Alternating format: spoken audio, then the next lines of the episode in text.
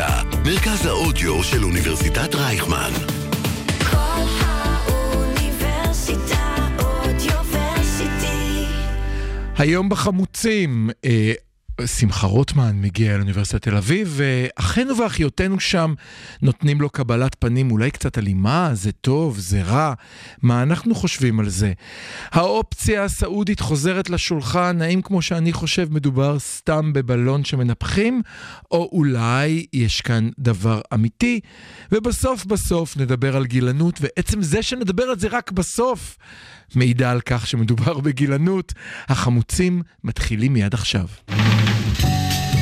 החמוצים, המערכת הפוליטית על ספת הפסיכולוג, עם הפרופסור בועז בן דוד והפרופסור גלעד הירשברגר. היי גלעד, בוקר טוב. שלום בועז, שלום למאזינות ולמאזינים. למדנו להקפיד, שמת לב? פעם זה היה לנו קשה, והיום זה מאזינות ומאזינים. אנחנו התבגרנו. אנחנו נתחיל בלדבר על שמחה רוטמן מגיע לאוניברסיטת תל אביב, אין ברירה. נכון. איך זה יכול להיות כן. שבמוסד שמקדש את הדמוקרטיה, מתנהגים בצורה כזאת? לא נותנים לו לבוא ולהתבטא, אוקיי, לא מסכימים איתו, אפשר כן. לא להסכים, כן. אבל למה לא נותנים לבן אדם להגיד את מה שיש לו להגיד? אחר כך אפשר להגיד. מהמם. למה להדביק לו סטיקרים על המכונית? למה הוא צריך להיות מלווה באבטחה כבדה לא, לא, אני- בשביל אני- להיכנס ולצאת? אני רוצה כאן, סליחה, אני, אני רוצה כאן להפריד בין שלושת שאלות שלך, כי אני חושב שכל אחת מהן היא שאלה אחרת, ברשותך. אוקיי. סטיקרים במכונית זה משהו שאני חושב שגם אני וגם אתה נסכים שהוא סתם מעשה לא רלוונטי ולא נכון. שם את זה רגע בצד, לא יודע, לא צריך, לא צריך... לא יודע אה, אם הוא מעשה חשוב אפילו, כן. בדיוק, הוא לא חשוב, לא חכם ולא נכון ולא רלוונטי. שם את זה רגע בצד. מאבטחים שצריכים להגן עליו, מהיכרות אישית עם הפרופסורים לפיזיקה ומדעי המחשב שהיו שם, חשש לשערה משערות ראשו המקליש של רוטמן, לא הייתה שם מקסימום צועקים עליו, דילית כוכבית נקודה כוכבית אה, וכאלה, אני לא מודאג מזה. שאלה מעניינת. תראה, בסופו של דבר, אה, אם ראית את הסרטים, כן. הוא כן היה צריך להיות מלווה באבטחה כשסביבו המון שצועק עליו. אז נכון שהסיכוי שמישהו היה פוגע בו מאוד נמוך, אבל אה, כן היה משהו מאיים בכל הסיטואציה. לא היו נוגעים בו, בוא, בוא, סליחה, בוא, אני לא אוהב את זה. אני לא רואה פרופסור ל- לפרופסוריות זה לא ופרופסוריות רק ל... אה, פרופסור, יש שם סטודנטים, יש שם הכל.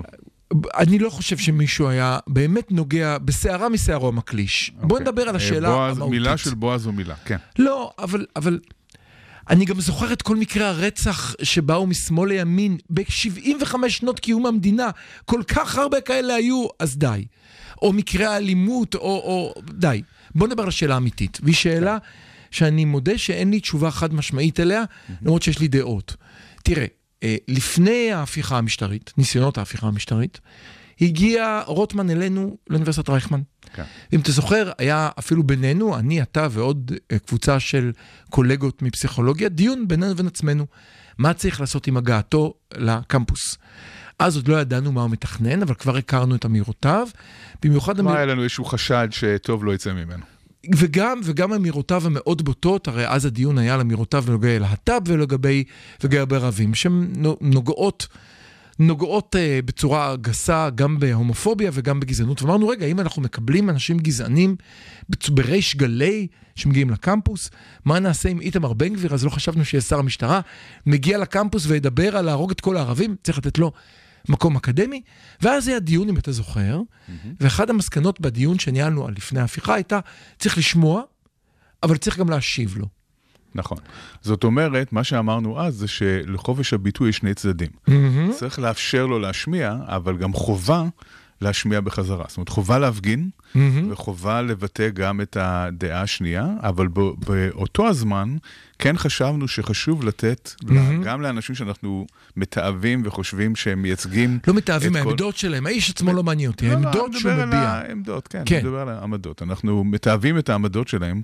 גם לאנשים כאלה אמרנו שצריך לתת חופש ביטוי, במיוחד במוסד אקדמי. זהו, אני רוצה להתייחס לנקודה האחרונה, ותכף נדבר על אחרי ההפיכה, כי אני חושב שהמצב השתנה, אחרי ניסיונות ההפיכה.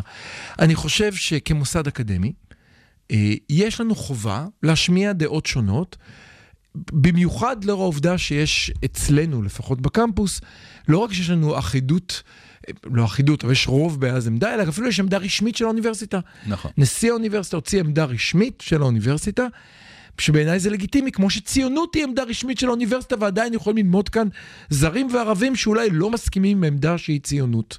אז האוניברסיטה נקטה עמדה בנוגע להפיכה המשטרית, וזה בסדר בעיניי.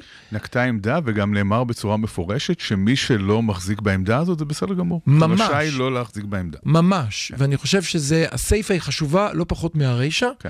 ועדיין אמרנו שבתוך האוניברסיטה צריך להיות מקום שבו שומעים את שני הצדדים, ואכן, בכנס הרצליה היו גם וגם. מה שעכשיו היה אצלנו כנס הרצליה והיו גם וגם. ולמרות זאת, אני מרגיש שהאירוע בתל אביב הוא שונה. אז אה, דווקא ברגע שהכנסת את כנס הרצליה, אני, אני מפקפק יותר בכמה הוא שונה, אבל אה, מקודם דווקא אמרת משהו שאני חושב שחשוב לחדד אותו. אוקיי. וזה ההבדל בין לתת חופש דעה אה, כשאין אה, חרב שמונחת על הצוואר של הדמוקרטיה, נכון. לבין לתת את הביטוי הזה למישהו שברגעים אלה ממש מנסה לחרב את הדמוקרטיה הישראלית. זאת אומרת, הדמוקרטיה היא מאוד חשובה והפלורליזם מאוד חשוב, וזה באמת ערך עליון באקדמיה לתת ביטוי לכל אה, דעה, אבל כשבא מישהו ובאופן אקטיבי מנסה לחרב את הדמוקרטיה, הוא מהווה איום. וכאן צריך להגיד נו פסרן, כמו ש... אה, כן, כמו שהופיעו על חלק מהשלטים, שזה לא יכול לעבור, זה לא לגיטימי. רוטמן הפך להיות בעצם אדם לא לגיטימי ברגע שהוא מנסה להפוך את ישראל ממדינה דמוקרטית למדינה לא דמוקרטית. והוא אומר את זה בצורה גלויה, אין כאן משחקים. הוא מאוד מאוד, גם האופן שבו הוא מנהל את אה, ועדת חוקה, חוק ומשפט מאוד ברור. הוא לא מצטנע, הוא אומר, אתם אה, תסתמו את הפה, מעיף. כל מה שצריך, ברור. כדי להבין את רוטמן, כל מה שצריך לעשות זה לחפש את האמירות שלו לאורך השנים. הוא התבטא בצורה מאוד מאוד ברורה. אה, לא רק נגד אה, דמוקרטיה, הוא לא אמר אולי את המילים האלה, אבל אה, נגד חופש ביטוי, נגד העיתונות, נגד בית משפט, נגד הפרדת רשויות, ובעד סתימת פיות, הוא ממש אמר את זה, בעד סתימת, סתימת פיות לכל אותם גופים שיכולים איכשהו לעצר את ידי ורגלי השלטון. אז אדם כזה, כל עוד הוא לא היה, הוא לא, הוא לא היה בשלטון ולא היה לו את הכוח לבצע את זממו, אפשר לתת לו חופש ביטוי. ברגע שהוא כרגע בהשתלחות מטורפת על המוסדות הדמוקרטיים של המדינה, על מהותה הדמוקרטית של המדינה, צריך להתגונן בפני אדם כזה, זה הופך להיות משהו אחר. אני, אני אפילו אוסיף למה שאתה אומר. אני חושב שאם הוא היה מגיע לאוניברסיטת תל אביב, שוב צריך להזכיר, זה לא היה במסגרת כנס שבו יש דעות כאלה וכאלה, ואחד מדבר ואחד מדבר, אלא הוא בא לנאום ולהסביר את עצמו בתוך אוניברסיטת תל אביב, והוא הלך בכוונה להרצות ב... ב נו, שכחתי את שם האולם, זה האולם שממש שייך למדעים מדויקים להייטק. אני רוצה לחדד את מה שאמרת עכשיו. אוקיי. אמרת שהוא הלך בכוונה. כן. ואני חושב שאחד הדברים החשובים שצריך להבין מכל האירוע הזה, זה שכל מה שקרה כאן, כולל התגובות, זה אה, מעשה מתוכנן מראש של שמחה רוטמן.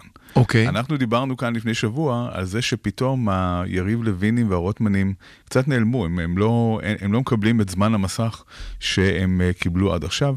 אוקיי. רוטמן עשה פרובוקציה מכוונת, כן. אור הזרקורים עליו, כן. הוא קיבל את התגובה הצפויה, הפבלובית כמעט, שהוא רצה לקבל, ועכשיו הוא יכול לזעוק את זעקת הקוזק הנגזל ולהגיד, תראו מה עשו לי, תראו את הכאילו דמוקרטים האלה, שבעצם השתיקו אותי וכמעט הרגו אותי אבל וכמעט ש... הרביצו. מה רצית שיעשו? שיעמדו לא, לא. וימחאו לו כפיים? אבל, לא, אבל צריך להבין, צריך, לא, לא אמרתי שזה- שהיה צריך לנהוג אחרת, אבל אני אומר שכל העניין הזה מתחילתו ועד סופו, זה משהו שרוטמן תכנן, התגובה היא כפי שהוא רצה, הוא לא חשב לרגע שיקבלו אותו בפרחים באוניברסיטת תל- אביב, מהמם. וזה זה נתן לו את מה שהוא רצה, הוא קיבל את אה, זמן המסך שלו, הוא קיבל את, ה, אה, את אור הזרקורים שנלקח ממנו בשבועות האחרונים, והוא גם יכול לצייר את אה, מתנגדי הרפורמה בתור אה, צבועים, ובעצם כאלה שהם אה, לא באמת דמוקרטיים. ומצד שני, ומצד שני, אני מסכים עם כל מה שאתה אומר, אבל מצד שני אני חושב שיש כאן מסר מאוד ברור. המסר חייב להיות, אם אתם באים להחריב את הדמוקרטיה, וסליחה, גם להחריב את האקדמיה. בואו נדבר על החוק שאמור לעבור ועוד לא עבר על האקדמיה. כן. יצא מכתב מנשיא אוניברסיטת תל אביב, שיאמר לזכותו, כמו הנשיא שלנו, נוקט עמדה כשצריך. אתה זוכר תזכיר חוק שאמור לעלות, שאומר שסטודנט שמניף דגל פלסטין או מביע תמיכה באיזשהו פורום על, מגורש לאלתר מהאוניברסיטה. כן. עכשיו, כאן צריך אה, לומר שיש כבר חוקים בספר החוקים הישראלי על תמיכה בארגוני טרור. זאת אומרת, לא בהחלט. צריך, לא צריך אה, חוק נוסף. מה שהחוק החדש, שבינתיים אה, לא עבר, ונקווה שלא בינתיים, יעבור. בינתיים, בוא. מה גם שהחוק- אבי מעוז בינתיים לא היה נכון. והנה הוא חזר. נכון, תכף נגיע גם אליו. מה שהחוק הזה בעצם עושה, הוא גורם לכך שהאוניברסיטה צריכה אה, להיות מין אה, משטרה כזו, ש... אה, שמפעילה שבה- מלשינון עם שמפעילה סטודנטים אה, ש... מלשינים, מש- שסטודנטים כן, מלשינים אחד על השני, כן. ומגרשים סטודנטים שנחשדים בתמיכה בארגוני טרור, כשצריך להגיד משהו על אה, לא, אבל- הדגל אבל- הפלסטיני. בדיוק, אבל הדגל הפלסטיני הוא לא דגל שמביע תמיכה בטרור. יותר מזה, אני האנשים- זוכר את ראש הממשלה נתניהו מצטלם שהדגל מאחוריו כן. ודגל ישראל לידו נכון. עם לוחץ יד לערפאת. אז וכאן יש לציין שלישראל עדיין יש הסכם בתוקף עם הרשות הפלסטינית, כן? הסכמי אוסלו עדיין בתוקף, הם כן, לא בוטלו. כן. והדגל הרשמי של הרשות הפלסטינית הוא הדגל הזה, דגל פלסטין. זאת אומרת, זה, זה דגל שמוכר רשמית על ידי מדינת ישראל. אה, אפשר אה, לאהוב או לא לאהוב את ההנפה של הדגל, וזה זה, זה דיון אחר זה דיון לגמרי, אחר. אבל להפוך את זה לפלילי, ולגרש סטודנטים מהאוניברסיטה בגלל שמניפים את הדגל, זה כמובן אה, פשיזם במהותו. אבל בוא נדבר, אתה אתה יודע, התקפה על האקדמיה היא לא רק שם. נכון. אה, ואחת הבעיות שאנחנו נמצאים בהן כרגע, זה שיש הרבה מאוד מהלכים קטנים, מהמם. שאנחנו לא שמים לב לכולן, אה, לכולם. יש אה, מהלכים שהם מהלכים שקשורים... אה, שהם רק בדיבורים, שהם מהמם. רק אה, התבטאויות נגד האקדמיה, ויש מהלכים שהם מהלכים ממש. בוא תפרט אז אותם. אם, בוא אם תפרט נדבר, אותם. אז, אז ניקח למשל את צ'חנובר, שהוא אה, זוכה פרס נובל אה, בכימיה ב-2004 נדמה לי. אה, הוא אה, פרסם טור שבו הוא כתב על אה, ההשעיה או העיכוב, ב, או החלטה לא אה, להתקדם בבנייה של אה, אוניברסיטה בגליל. היה, התוכנית הייתה לקחת כן. את מכללת תל נכון. חי ולהפוך אותה? לאוניברסיטה. אז זה בינתיים מוקפא. אוי. עכשיו, הוא אמר, זה, זה, הוא אמר שזה אחד הדברים שהיו צריכים לצאת לרחובות עליהם, כי אין... זה בדיוק העניין של הפריפריה, כל הזמן מדברים על זה. נכון, זה, א', הוא אומר, זה המעשה הציוני הראשון ממש, במעלה. ממש. זה, זאת אוניברסיטה בקו האש אה, מול אה, חיזבאללה, שתביא סטודנטים ותביא חוקרים מחו"ל, ותביא מדע ופיתוח, ממש. ו, ותוכל ממש לפתח את כל הגליל. יותר מזה, אני, אני חייב להגיד לך כאן דוגמה למשהו שהייתי מעורב בו, וזה הקמת אה, אה, החוג להפרעות בתקשורת במכללת אחווה. מה שקרה, זה שפתאום יש סטודנטיות שלא נראות כמו הסטודנטיות להפרעות בתקשורת בכל מקום אחר, כי זה קרוב להם הביתה, והדרך להגיע נכון. אל אוכלוסיות אחרות, היא להיות האקדמיה. שם, לא נכון. להיות בתל אביב זה מנגיש את והרצליה. האקדמיה גם לפריפריה. ברור. יש לזה המון המון יתרונות, וגם לישראל יש צורך בעוד אוניברסיטה. זאת אומרת, יש צורך ממש בעוד אוניברסיטה, אה, ואנחנו יכולים לראות בהחלטה לא לקדם את העניין הזה, אה, אנחנו יכולים לראות את הקשר בין זה לבין התקצוב המטורף של הישיבות.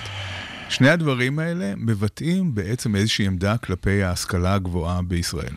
אה, נוסף לזה גם ירידה של משהו כמו 100 מיליון שקל בתקציבי המחקר ופיתוח של האוניברסיטאות. זאת אומרת שמדינת ישראל החליטה, ממשלת ישראל הנוכחית החליטה שאוניברסיטאות ומחקר אוניברסיטאי זה דבר רע. שמדע, בוא, בוא נקרא לזה בשם. ש- מד, מדע רע.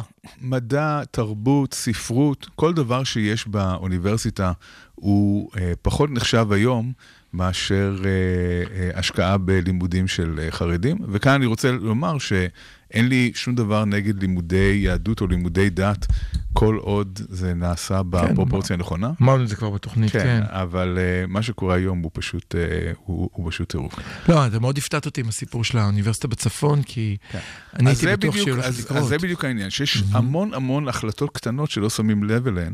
אה, למשל, העניין של התקצוב, של הורדת התקצוב של, למחקר ופיתוח. ההחלטה לא להקים אה, עוד אוניברסיטה בגליל. אבל אתה יודע, השיח, אפילו השיח, שיח, אפילו יש השיח. מתלהם נגד האקדמיה כל הזמן. אני חושב שהשיח הוא, הוא שר האוצר של מדינת ישראל. כן. שבבי דיבר בזלזול על אותם סטודנטים שלומדים אה, אה, בבצלאל. עכשיו, למה זה משעשע? כי אם הוא היה משווה לסטודנטים שלומדים פילוסופיה בגילמן, מי שלא מכיר, באוניברסיטת תל אביב יש בניין גילמן, שהוא מפורסם כלומדי הפילוסופיה בו, זו השוואה לא נכונה, אבל, אבל ניחא. הוא השווה לאלה שלומדים מקצוע, שיש למקצוע הזה אחר כך עבודה בשטח. מי שעומד בבצלאל, לדוגמה, לומד מקצוע אמיתי. חלק. חלק מהאנשים אה, משתלבים בתעשייה, וחלק הופכים להיות אומנים, ו- וחלק אולי אה, ילכו ויעשו משהו אחר. מניסיוני הרב, רוב מי שיוצא משם, פרט לאותו אומן יוצא לעבודה. עכשיו, אתה יודע למה הוא יוצא לעבודה? גם הפילוסוף. מגילמן. יוצא לעבודה בסופו של ואתה יודע דבר. למה יוצא לעבודה? כי אין לו. אפשרות אחרת. נכון. אם מישהו היה מממן אותי כל יום מכסף מהשמיים, הייתי רק יושב קורא מאמרים. לא הייתי כותב מאמרים. כן, אז זה נכון, אה, אבל יש כאן עניין שהוא יותר מזה. אה, במיוחד כשמדובר במדעי החברה והרוח, השלטונות יודעים משהו אה, שהוא מאוד משמעותי. וזה שסטודנט למדעי החברה והרוח, מה קורה איתו? מה הוא הופך להיות? לא הבנתי את השאלה. אם אתה לומד מדעי החברה והרוח, אתה מוכרח או להתנגד לכל מה שאתה לומד, כן. או להפוך להיות הומניסט. או להפוך להיות יותר הומניסט. אוקיי, אתה אוקיי. לא ייתכן, אתה לא אוקיי. יכול ללמוד, אתה לא יכול uh, ללמוד פילוסופיה, ואתה לא יכול ללמוד היסטוריה, ואתה לא יכול ללמוד על תרבויות שונות, ואתה שטייניץ? לא יכול ללמוד אנתרופולוגיה. שטייניץ, דוקטור ואתה- לפילוסופיה? חכה, חכה, נגיע אליו. ואתה לא יכול ללמוד פסיכולוגיה אם אין לך איזושהי אוריינטציה בסיסית לבני אדם אחרים, אין, אין לך איזו אמפתיה, איזושהי סקרנות, איזושהי הערכה של מה שאחרים עושים. אוקיי. זה, זה הופך אותך בהכרח להומניסט, והמרחק בין אה, הומניזם לשמאלנות הוא מרחק אה, קצר. והם בעצם מבינים שלפקולטות ליצירה של אה, שמאלנים חדשים, וזה חלק מהסיבה שהם... אה, כן, זה לא- זה לא מחייב יצירת אה, שמאלנים. זה די מחייב, זה די מחייב. אם תסתכל, עכשיו, אם. תיקח את שטייניץ, שטייניץ היה בשלום עכשיו, לפני כן. שהוא היה בליכוד, כן? כן. הוא הוא עבר איזשהו מהפך. לא, אבל אני אומר, אני, אני לא בטוח שזה מחייב, אבל המתקפה נגד האוניברסיטאות היא מתקפה שנמצאת בכל העולם. בארצות הברית מה שעשו, עשו דבר מעניין. יש זאת לך... גישה אנטי-אינטלקטואלית שקיימת אה, ב- בימין בכל העולם, זה לא בכל העולם, וגם אה, כאן בישראל. מה שעשו בארצות הברית, אם אתה זוכר, היה להם רעיון גאוני, שבו הם אמרו, אוקיי, במקום להילחם באוניברסיטאות, אנחנו נחדור לאוניברסיטאות, ואנחנו... גם כאן הם מנסים לעשות את זה. ואנחנו נעשה חינוך מחדש, זה. מה שניסו לעשות, אם תרצו, לא אני, בהצלחה. אני רוצה להתייחס למשהו שרוטמן אמר בכל זאת לגבי על זה. נו. הוא אה, קרא לאותם אנשים שהפגינו נגדו, הוא קרא להם מוגבלים. מוגבלים. עכשיו זה נורא מעניין שהוא תודה קרא להם, שעלית על זה. זה נורא מעניין שהוא קרא להם מוגבלים. בגלל שאני יכול להבין, ומישהו כתב, מישהו צייץ על זה, אז אני עכשיו אומר משהו שהוא לא מקורי שלי, אבל מאוד זה. אהבתי אותו. Uh, מישהו צייץ על זה שהוא לא סתם בחר במושג הזה מוגבלים. ברור. רוטמן רוצה שהרשות המבצעת תהיה חסרת מגבלות. כל דבר שקשור למוגבלות, אה. מבחינתו הוא, הוא רע. והוא צודק. אנחנו אנשים מוגבלים, אנחנו מוגבלים על ידי חוקים, אנחנו מוגבלים על ידי זה מעניין. שאנחנו לא יכולים לעשות את כל מה שאנחנו רוצים, וזה מאוד מתסכל אדם חצ... חסר מעצורים כמו רוטמן, שרוצה שיוסרו כל המגבלות מדרכו, שלא מוכן להיות מוגבל, שרוצה בעצם אה, דיקטטורה על, על מלא בלי שיהיו אה, איזונים ובלמים כלשהם. אז אני אסיים את החלק הזה בטייק שלי על המילה מוגבלים. אני חושב שהמילה מוגבלים, ויפה על הפרשנות המ- המעמיקה שלך, זה לא שלי, זה של צייצן כלשהו שאני מצטער שאני לא זוכר את, שמו. אני הייתי הולך על מוגבלים בצורה, עם הקונוטציה הברורה ביותר שיש היום. המילה מוגבלות היא הפוליטיקלי קורקט לדבר על פיגור שכלי, על הגבלה פיזית, ואני חושב שיש כאן... הוא אה, לא התכוון לזה. אני חושב הוא לא שבין. אם הוא התכוון או לא התכוון, אתה יודע, אתה יכול לא להתכוון ואז לא להתנצל ואז האמירה היא שם. אני חושב שהמילה מוגבלות, היא, אי אפשר שלא להתייחס הוא לקונוטציה שלה. אמר משהו מאוד מתנשא. הוא אמר, מוגבלים אתם אינטלקטואלית." לא, אתם לא ברמה האינטלקטואלית להתמודד איתי. כאילו שהוא איזשהו אתם- אינטלקטואל אתם מוגבלים. אדיר. ב- ברגע שהוא אומר לאנשים, אתם מוגבלים, אני חושב שיש כאן מסר מאוד ברור שמתייחס על המטרה כאן אנשים היא שוב, המטרה כנחותים. כאן היא, היא שוב אה, להיכנס באוניברסיטאות ולהגיד, הנה תראו, גם הפרופסורים וגם הסטודנטים שלכם, אתם בסופו של דבר ברמה אינטלקטואלית מאוד נמוכה, לא ברמה שלי. אז אנחנו נסכם את החלק הראשון בקריאה משותפת. נו פסרן. אה, לא לתת לאנשים האלה לדבר אנחנו במקומות באמצע האלה. מרי חברתי, וחלק מהמרי זה לא לאפשר לאנשים האלה להתבטא, לא לאפשר להם לצאת מהבית בלי שתהיה מחאה נגדם. אנחנו נשמע היום בשירים את מרק דה מרקו, הוא הוציא עכשיו אלבום של תשע שעות. אנחנו לא נשמע אותו, אבל נשמע שירים ישנים וטובים. מוזמנים. כל האוניברסיטה אודיוורסיטי. כל האוניברסיטה, מרכז האודיו של אוניברסיטת רייכמן. החמוצים, המערכת הפוליטית על ספת הפסיכולוג, עם הפרופסור בועז בן דוד והפרופסור גלעד הירשברגר. היי גלעד, אה, אנחנו חזרנו, תגיד שלום. חזרנו, חזרנו. שנייה, שומעים אותך? אוקיי. אה, חזרנו ואנחנו רוצים לדבר על סעודיה. אה, אנחנו רוצים להזכיר לכולם שכאשר נתניהו הקים את הממשלה, הוא נשא נאום שבו הוא אומר מה היעדים של המדינה, והיעדים של הממשלה היו מאוד ברורים. אף אחד מהם לא היה הפיכה משטרית, ואחד המרכזיים בהם היה שלום עם מדינות נכון, נוספות. נכון. אני, ואני מודה שכששמעתי את זה, לא חשבתי על ההפיכה המשטרית, אמרתי, אוקיי, נתניהו אומר, זה אולי הקדנציה האחרונה שלי, אני רוצה להיות רשום בספרי ההיסטוריה כבן אדם שפרוטקטור אוף ישראל, אני מזכיר לך. נכון. אני עובד על הלגאסי שלי, אני רוצה אוניברסיטאות על שמי. מרכז פרס לשלום, אני רוצה מרכז אה, נתניהו. כן, אבל, אבל קורים, רוצה- דברים, קורים דברים חוץ מהצהרות שלו. קורים לא, עוד רגע, דברים רגע, ברקע. אני רוצה להמשיך. מאז, שום דבר לא קרה. תוך כדי סעודיה נהיית best buddies, אה, לא של החברים שלנו, חותמת הסכם אז חברות שנייה, מאחורי בוא, גבינו. בוא ננסה להבין למה כל אוקיי, זה קורה. קדימה. Uh, אתה uh, מזלזל קצת באופציה הסעודית, אבל לא. אני, אבל אני חושב לא שקורה כאן משהו. שתקרה. אני חושב שקורה כאן משהו אמיתי, מאמין או לא, אני לא יודע, אני לא יודע מה הולך לקרות, אני כן מאמין שקורה כאן משהו אמיתי. אז בואו נתחיל באמת ממה שאני רואה אותו בתור התרגיל הסעודי, קדימה. וזה המהלך הזה של התקרבות לאיראן. אוקיי. מהלך התקרבות לאיראן בחסות uh, סין, מהמם. זה פתאום גרם לאמריקאים להתעורר, וזאת הייתה כל המטרה לדעתי של המהלך הזה. המהלך לא היה מהלך אמיתי של ניסיון התקרבות לאיראן, אה. אלא רצון, אלא רצון שהאמריקאים יבינו שאם הם לא יהיו עם סעודיה, אז uh, סעודיה תפנה לתומכים אחרים. הבנתי, מעניין. סין, סין בעיקר. וזה זה הדליק נורה אדומה בבית הלבן. למה סין מוכנה לשחק את המשחק הזה אם זה לא אמיתי? סין ניסתה. אני לא חושב, ש... אני לא חושב שהיא ראתה את זה בתור תרגיל בהתחלה, אבל אני חושב שהיה כאן תרגיל. אוקיי, ו... מעניין. אה, ועכשיו ארצות הברית בעניין. אה, ארצות הברית מעוניינת אה, להתקרב לסעודיה, יש כמה דברים שמהווים חסם. מהמם. אחד מהם הוא MBS, כן, השליט הסעודי, מהמם. שהוא הוא חשוד כמובן ברצח של העיתונאי אה, חשובי. חשקוגי, כן. אה, שזה אצל ליברלים אמריקאים הפך להיות דגל מאוד חשוב, כן? מהמם. למה זה כל כך חשוב לליברלים אמריקאים זאת אה, שאלה בפני עצמה, לא, אבל אני יכול להסביר. לך מדוע, רצחו עיתונאי. כן, אבל אתה יודע, כל מיני דברים קורים בכל מיני מקומות, אה, אף אחד לא חשב שהסעודים הם אה, אבירי הדמוקרטיה, אבל זה איכשהו הפך את, ה, את השלטון הסעודי לממש מוקצה כי- כי עשו- בעיני אמריקאים אני- ליברליים. אני אגיד לך למה.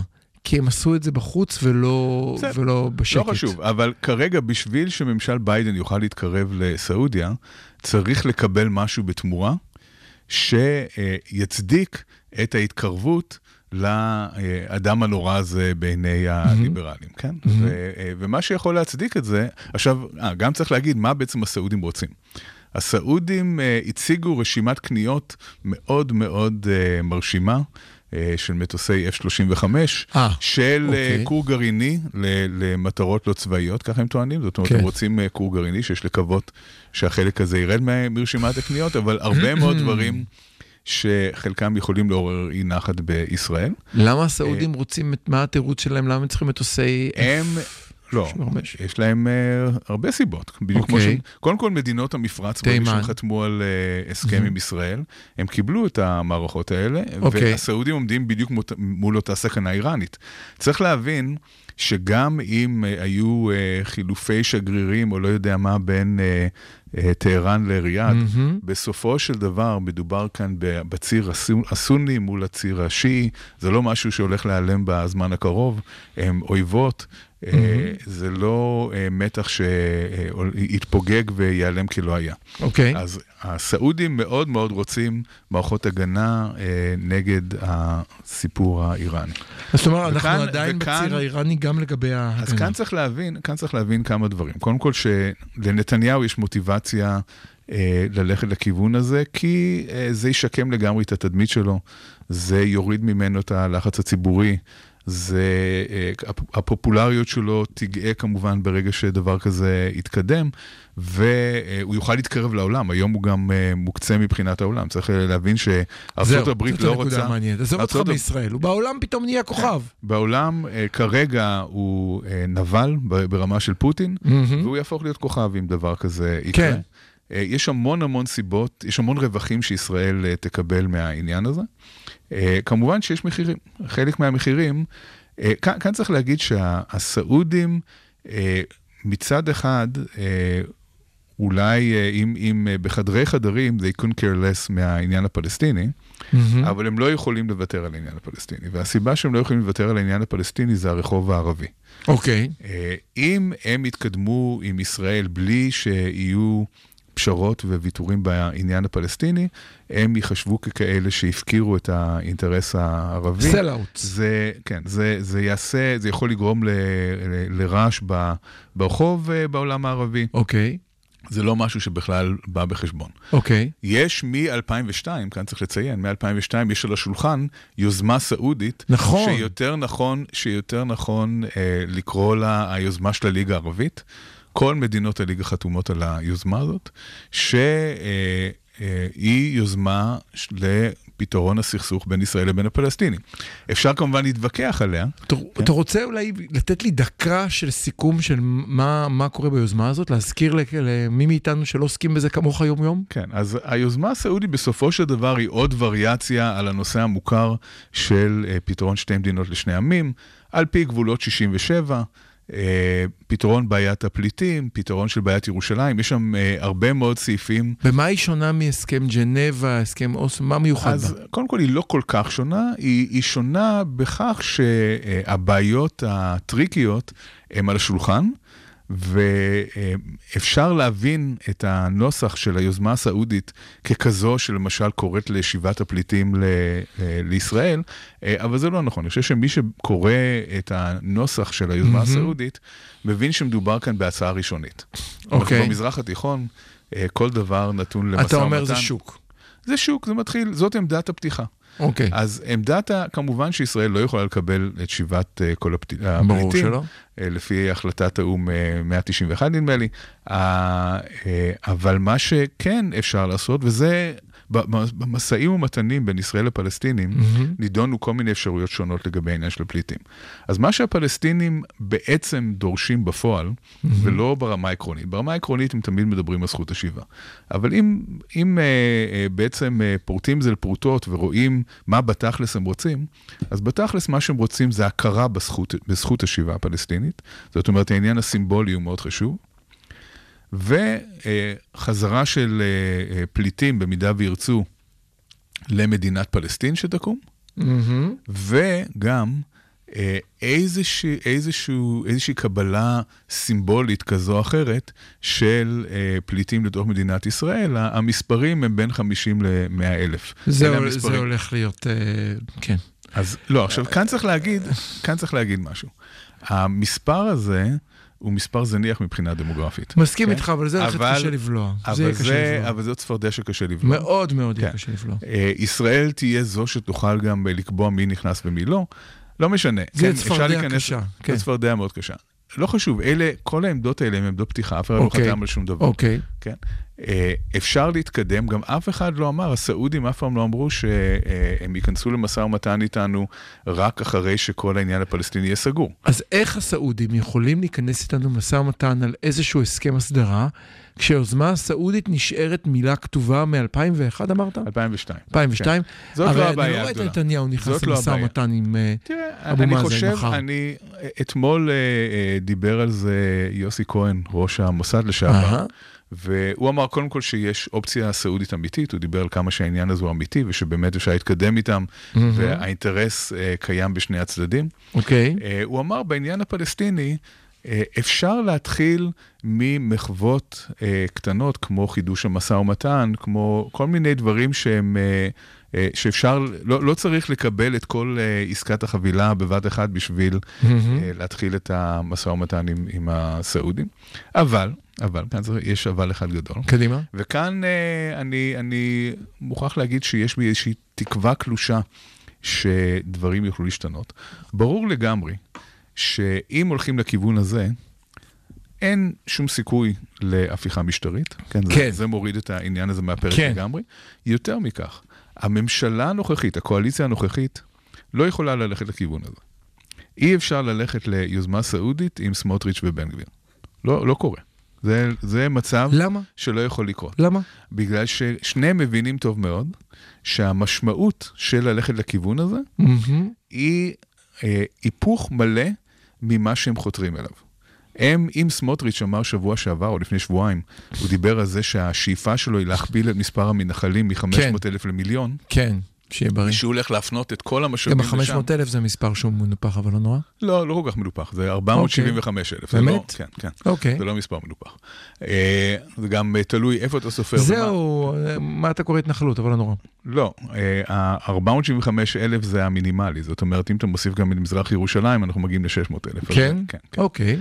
אז uh, מספר המתנחלים הוא, הוא גדול, זה לא... Uh, זה מספר יותר גדול ממה רוצה- שזכרתי, אוקיי. אבל זה, אתה יודע, זה לא נשאר קבוע. מהמם. אה, אבל הוא מדבר על הכפלת אה, מספר המתנחלים. בין אם השאיפה הזאת היא מציאותית או לא, זה לא משנה, מהמם. זה הכיוון שלו. אם מסתכלים גם על מה שקורה במשרדי הממשלה שהם תחת הש- השליטה של מפלגת הציונות הדתית. בואו ניקח למשל את אה, סילמן הזכורה לטוב, אה, שהיא, אתה יודע איזה שרה היא. אה, אה, קודם כל, סילמן היא בליכוד, היא לא בציונות, היא לא במפלגת הציונות נכון, אבל הדתית. בסדר, היא כן. בחבורה הזאת. כן. סילמן, איזה שרה היא? וואי, הכית אותי. אני אמור לדעת. נפלתי. היא השרה לבינלאומי, לקשרים בינלאומיים? איך זה הולך? לא, לא, לא, לאיכות הסביבה. לא אה. נכון, איכות הסביבה, איך היא השרה לאיכות שכחתי. הסביבה. עכשיו, היא אפילו הסבירה שבגלל שהיא שרה לאיכות הסביבה, היא חייבת לדבר עם מומחים מכאן ומכאן, כולל מכחישי... אה, לא, מה שמסתבר. זה ש, שכספים רבים מהמשרד שלה מוזרמים להתנחלויות באצטלה של קידום חינוך סביבתי ב, ביישובים. ב, זאת אומרת, לא משנה, זה, זאת קבוצה שלמה של אנשים שאיך שלא, איך שלא מסובבים את זה, הם uh, מפנים המון המון משאבים. ל- לשטחים. ברור שאין יוזמה. סב...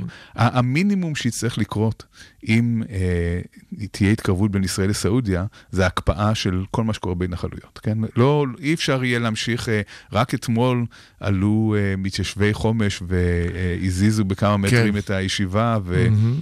כן, ו- והאמריקאים כמובן הולכים להגיב לזה, והולך להיות בלאגן סביב זה. כל הדברים האלה לא יוכלו לקרות אם מתקרבים סעודיה, זה לא יוכל לקרות. אז, אה, אז יהיה מאוד מעניין לראות מה, מה באמת אה, יקרה כאן מבחינה, מהבחינה של הפוליטיקה הפנימית בתוך ישראל.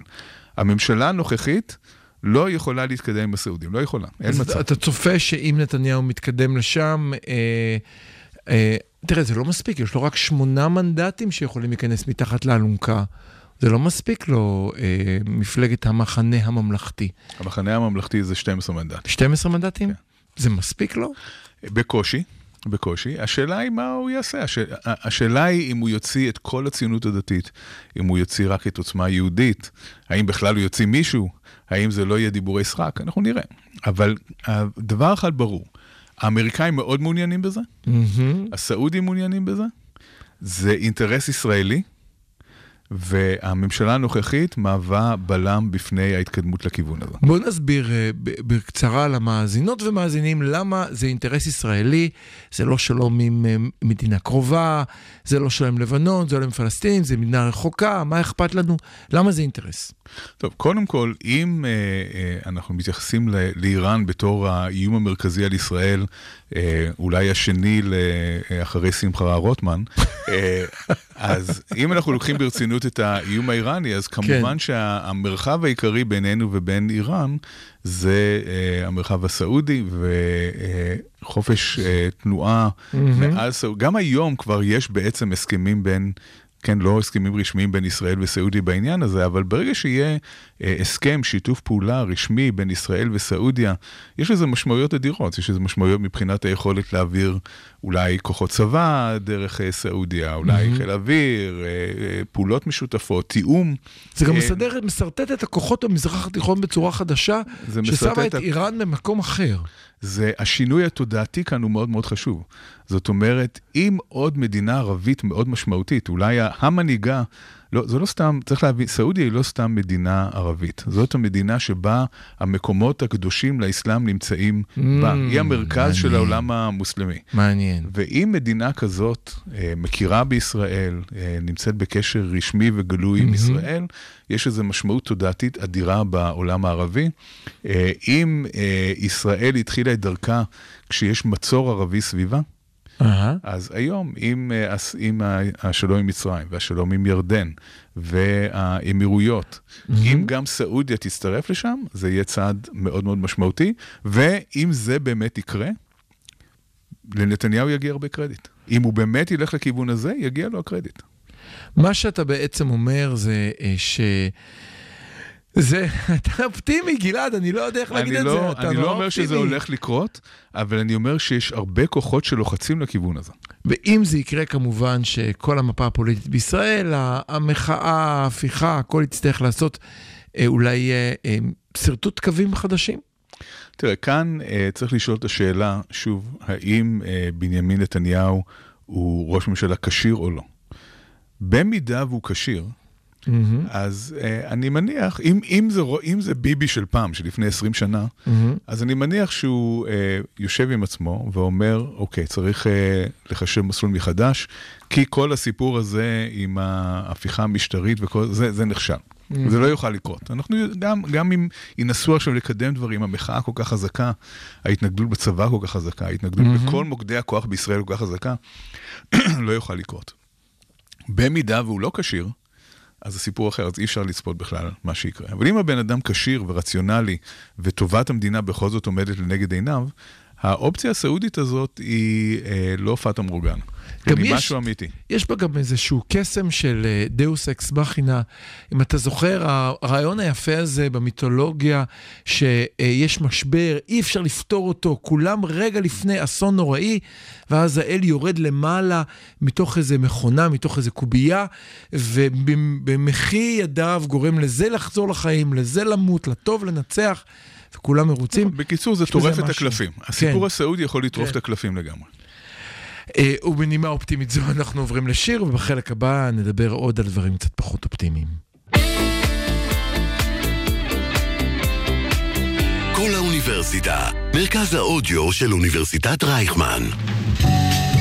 החמוצים, המערכת הפוליטית על ספת הפסיכולוג, עם הפרופסור בועז בן דוד והפרופסור גלעד הירשברגר. הגענו לחלק האחרון שבו הבטחנו בקצרה, ותודה לגלעד שאפשר לי אני רוצה לדבר על גילנות, אני תמיד מאפשר. אבל אני רוצה, אנחנו נחבר את זה גם לדברים שלך, אל תדאג.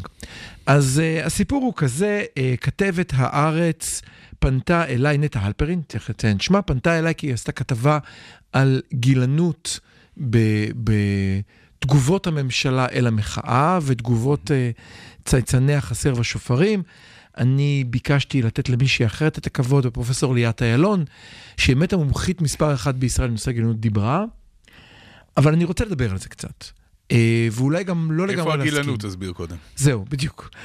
אז זה מתחיל אה, בינון מגלים, ינון מגל, מגל, מגלים למיניהם, בתמונות של אה, כל אלה שבקפלן זה זקנים, ומסיבת הזקנים, ובבית האבות, ובאתם עם האלצהיימר שלכם, וכל אחד עם התרופות מגיע, ומסיבה, והלעג הזה כל פעם על המחאה של, שהיא מחאה של זקנים. זה נוצר גם על ידי חברי כנסת שדיברו על זה. זה נהיה סוג של התקפה על המחאה, שהיא מחאה של זקנים, וגם במקרה האלימות. ובשיחות שהיו לי עם, יש את הדבר הזה ש, של עוטף עצורים, ויש את האלימות, איקס אלימות, אם אתה מכיר את זה, זה ניסיונות של המחאה לנטר את מקרי האלימות כלפי אנשי המחאה ולייצר מזה סטטיסטיקה שתבין, אנחנו רואים יותר ויותר אלימות שמכוונת באופן ספציפי אל מפגינים זקנים. אוקיי, אני רוצה להפריד בין שני הדברים שאמרת. אוקיי, לגבי האלימות, ברור, זה, אין, אין בכלל מה לדבר, ברור שזה ראוי לכל גנאי, ואין לזה מקום, בין אם זה נגד זקנים או נגד uh, צעירים. לא. כן.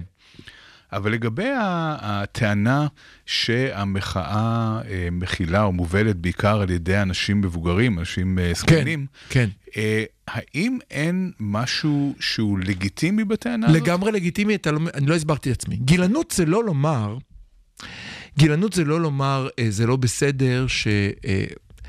זה לא להגיד באוניברסיטה, באוניברסיטה, באוניברסיטה יש הרבה גברים, אני מנסה לחשוב על, מהר לחשוב על מטאפורה. בוא, לא, באוניברסיטה יש בוא אני הרבה גברים לך. פרופסורים, כן. אוקיי? להגיד יש הרבה גברים פרופסורים באוניברסיטה, זה אה, אמת. כן. להגיד בגלל שהם גברים, הם עסוקים כל היום בעבר המין שלהם, והם רק... אה, ו- ועם הגחכה ופנייה אל הנושא הזה בצורה של מגבלה שיש לאותם אנשים לא, בגלל לא, לא, שהם אבל גברים, יש כאן, יש כאן זה משהו אחר. הנקודה. יש כאן, אני חושב שאתה אולי אה, לא נותן מספיק מקום לביקורת הזאת, שהיא לא לגמרי, היא, היא לא בהכרח לא מוצדקת. תן לי לסיים. אני אתן לך לסיים. כל מה שקשור לגילנות מקפיץ אותך. בוודאי. אז... אה, כל אז אחד עם התחום שלו. אז כן, אני אז מקשיב. תנשום, תנשום. אני מקשיב. אה, במידה, מהמם. ובאמת המחאה, כן, היא מחאה של אנשים מבוגרים יותר, שעתידם מאחוריהם, שהם לא העתיד של, תקשיב עד הסוף, שהם לא העתיד של אה, מדינת ישראל. מהמם. ו, אה, ובמידה והדור הצעיר, שהוא העתיד, הוא זה שהולך לחיות פה עוד 20, 30, 40, 50 שנה. אם הדור הצעיר לא מתעניין בכל הנושא הזה, זאת ביקורת לגיטימית. זאת אומרת, מה שהביקורת הזאת באה ואומרת, זה אנשי העבר אה, מייללים על זה שהזיזו להם את הגבינה, כן. אבל אנשי העתיד בעצם אומרים, זה סבבה מבח- מבחינתנו, או שזה כן. לא מפריע לנו כל כן. כך. אז בעיניי ביקורת כזאת היא לא גילנות, היא ביקורת שהיא לגיטימית. אין לי שום בעיה. אני אענה לזה בצורה סדורה. אחד, אני מוחה נגד הרישה שלך. להגיד שאנשים מבוגרים עתידם לא לפניהם, זה לשים אותי ואותך בקבר. לא, כן, זה, להגיד, זה להגיד שלילדות שלך יש יותר עתיד מלך. כן. מסכים של הילד... להם. אני... אני... ויש להם, ויש להם אה, עוד יותר עתיד מלסבים וסבתות שלהם. אני מקווה ומייחל שאכן לילדות שלי יהיה עתיד גדול ו- ורב יותר ממני ויותר מאמא זאת שלי. עובדה ביולוגית, אז אין, אה, לפחות בממוצע, אז אין, אין מה אה, בכלל להתווכח על העניין הזה. זה אין זה לי... לא אומר שאנחנו הורגים את הקשישים, לא, לא, זה לא, רק לא, אומר- לא, זה אבל, זה, רק אבל, אומר- אבל זה לא נכון עובדתית מה שאתה אומר. ברגע שאתה אומר, הזקנים עתיד, אה, עתידם מאחוריהם, או אין להם עתיד, אתה בעצם אומר שאין ערך לא לחיים שנשארו קדימה. לא נכון. צריך להיזהר במילים כאן האלה. אני, רוצה, כאן אני רוצה לגייס לעזרתי את אחד העם. לך על זה. אחד העם במאמרו המפורסם עבר ועתיד, כן. הוא מדבר על האני של האדם, שבפסיכולוגיה קוראים לזה עצמי, מהמם. והוא אומר, האני של האדם הוא סכום היוצא מזיכרונו ומרצונו של האדם. מהמם. אדם צעיר, יש לו הרבה רצון ומעט זיכרון. אדם מבוגר, יש לו הרבה זיכרון ומעט רצון. זאת אומרת, ככל שאנחנו מתקדמים בחיים, אני חושב שזו ממש הגדרה נפלאה לעצמי, או לאני, כמו שהוא קרא לזה. מהמם. האדם מבוגר הוא אדם שככל שהוא מתקדם, הוא יותר חי בעבר, הוא יותר חי בנוסטלגיה ובזיכרונות, ו- כן. ופחות צופה אה, קדימה אל עבר העתיד, אלא אם כן הוא חושב על הילדים והנכדים שלו. אז קודם כל זה אז- לא נכון עובדתית, מה שאמרת עכשיו בנוגע, בנוגע לזקנים החדשים. זה פשוט לא נכון מחקרית. אני, אתה מתווכח פה על דברים שהם המחקרים שאני מכ- מכיר. אתה אולי, קודם אתה, כל, אני זה לא חושב נכון שאתה קצת ה-שישים. מתכחש, מתכחש לעניין שנקרא מוות. זה לא נכון לבני ה-60 החדשים. זה אז לא לא נכון. 60. לא, סליחה. שנייה רגע. אתה, אין ספק שבגיל 60 אתה קרוב יותר למוות מגיל 50, נכון. וקרוב יותר למוות מגיל 20, ככה אנחנו מקווים, זו דרכו של עולם. מסכים איתך, ב- עובד, כן. מסכים איתך במאה אחוז. יחד עם זאת, להגיד שלבני ה-60 הרצון הולך וקטן וחייהם הם בעבר, זה כבר לא נכון לגבי בני ה-60 החדשים, ובטח לא יהיה נכון, אני מאמין ומקווה, בעוד עשר שנים כאשר אני אהיה בן 59, הצרכים של בני ה-60 החדשים והרצון שלהם לממש את עצמם, לחיות חיים מלאים, ואני אוסיף בוודאי. בתוך זה מה שאתה אומר לא לעבוד. סותר את מה שאמרת, אני חושב לא, אבל הצמצום של הרצון קשה, הוא כבר לא נכון. אני חושב שמאוד קשה לטעון את הטענה שלך כשאתה משווה אדם בן 20, שאומר, אני רוצה להיות רופא, אני רוצה להיות אסטרונאוט, אני רוצה להיות מהנדס, אני רוצה להיות לא יודע מה, כן? אדם בן 60 כבר חולם חלומות שהם יותר קטנים. הוא לא יכול uh, לעשות את השינוי, את הטרנספורמציה האדירה הזאת, את ה, הוא לא יכול ל- להסתכל קדימה על uh, 50-60 השנה שיש לו ולהגיד, זה מה שאני רוצה הוא לעשות לא בזמן יכול הזה. להסתכל קדימה 50 שנה, אני נכון. מסכים איתך. אז זה, אז זה כבר צמצום, זה כבר אומר שזה פחות. במאה, פחות. במאה זה פחות. אחוז אני מסכים איתך, אבל אני חושב שהגישה שאתה מייצג כרגע, שאומרת בהכרח, אני מצפה וכמערכת חברתית מאפשר לאנשים מבוגרים לשאוף פחות, לא, לא לא תואמת- לשאוף פחות. אבל לא, אבל לשאוף תן לי לסיים. בצורה מציאותית תן לי יותר. לסיים, תן לי לסיים. היא לא תואמת מציאות, ואני אסביר. אתה, אתה לא תואם מציאות, אתה ככל, מתכחש, ככל שאתה צריך... אתה מתכחש לביולוגיה. ככל שאתה צריך לעבוד עד גיל מבוגר יותר, וכאשר אנחנו נכנסים למערכת שבה גיל הפנסיה הולך ועולה, וככל שאנחנו נכנסים למערכת שבה הפנסיה הקיימת לא מאפשרת לאנשים לעזוב את העבודה, וגם אחרי גיל הפנסיה לפעמים חוזרים לעבוד לא רק בגלל רצון והגשמה עצמית, הכל נכון. להרבה מקרים בגלל צורך, נכון. מחייבת תפיסה של חברה שבאה ואומרת לאנשים מבוגרים, צריך לאפשר להם, וכמובן במסגרת העובדה שאין להם עוד 50 שנה, בדיוק. לחלום ולייצר. אין להם, אין להם 50 שנה, ואין להם גם חלק מהכישורים שיש לצעירים. למשל, אה, אישה בת 80 יכולה בהחלט לחשוב קדימה על הרבה מאוד דברים שהיא רוצה לעשות, אבל טייסת F-16 היא לא תהיה. הנכדה של הבת ה-16 אולי כן תהיה, כן? אין ו- וכאן ספק. יש מגבלות גם של היכולות בגיל מבוגר וגם של הזמן. זאת אומרת ש- אבל- אבל- אבל שזה אני- לא אותו הדבר, אני, אין מה לעשות. בוודאי שזה לא אותו אוקיי, דבר. אז זה כל לא, מה שאנחנו אבל, אומרים. אבל שנייה, זה גם לא אותו הדבר אם אתה משווה בין גבר לאישה ביכולת אתלטית מסוימת. נכון? זה לא אומר שאתה תגיד לנשים, אל תרוצו. אני לא אומר לאף אחד שנייה, לא לא, לרוץ. אתה תיתן לסיים. אתה לא תגיד לאישה, אל תרוצי, כי בעולם לא תוכלי לגמור מרתון באותה מהירות כמו שאלוף העולם במרתון. אתה מייצר מערכת שמאפשרת לאישה הטובה ביותר, שמתאמצת, ולחגוג את. הישגיה. בלי לגמד אותם, בגלל שפיזיולוגית היא לא אתה גבר. יודע מה, אני אתן לך את זה הדוגמה, בדיוק אני אתן לך אבל זה דוגמה בדיוק, מחיי. זה בדיוק לא, אותה זה- דוגמה. זה דמגוגיה. בדיוק אותה דוגמה. אני אתן לך דוגמה מחיי. אוקיי. אוקיי? אני בשנה האחרונה התחלתי לקחת שיעורי פסנתר.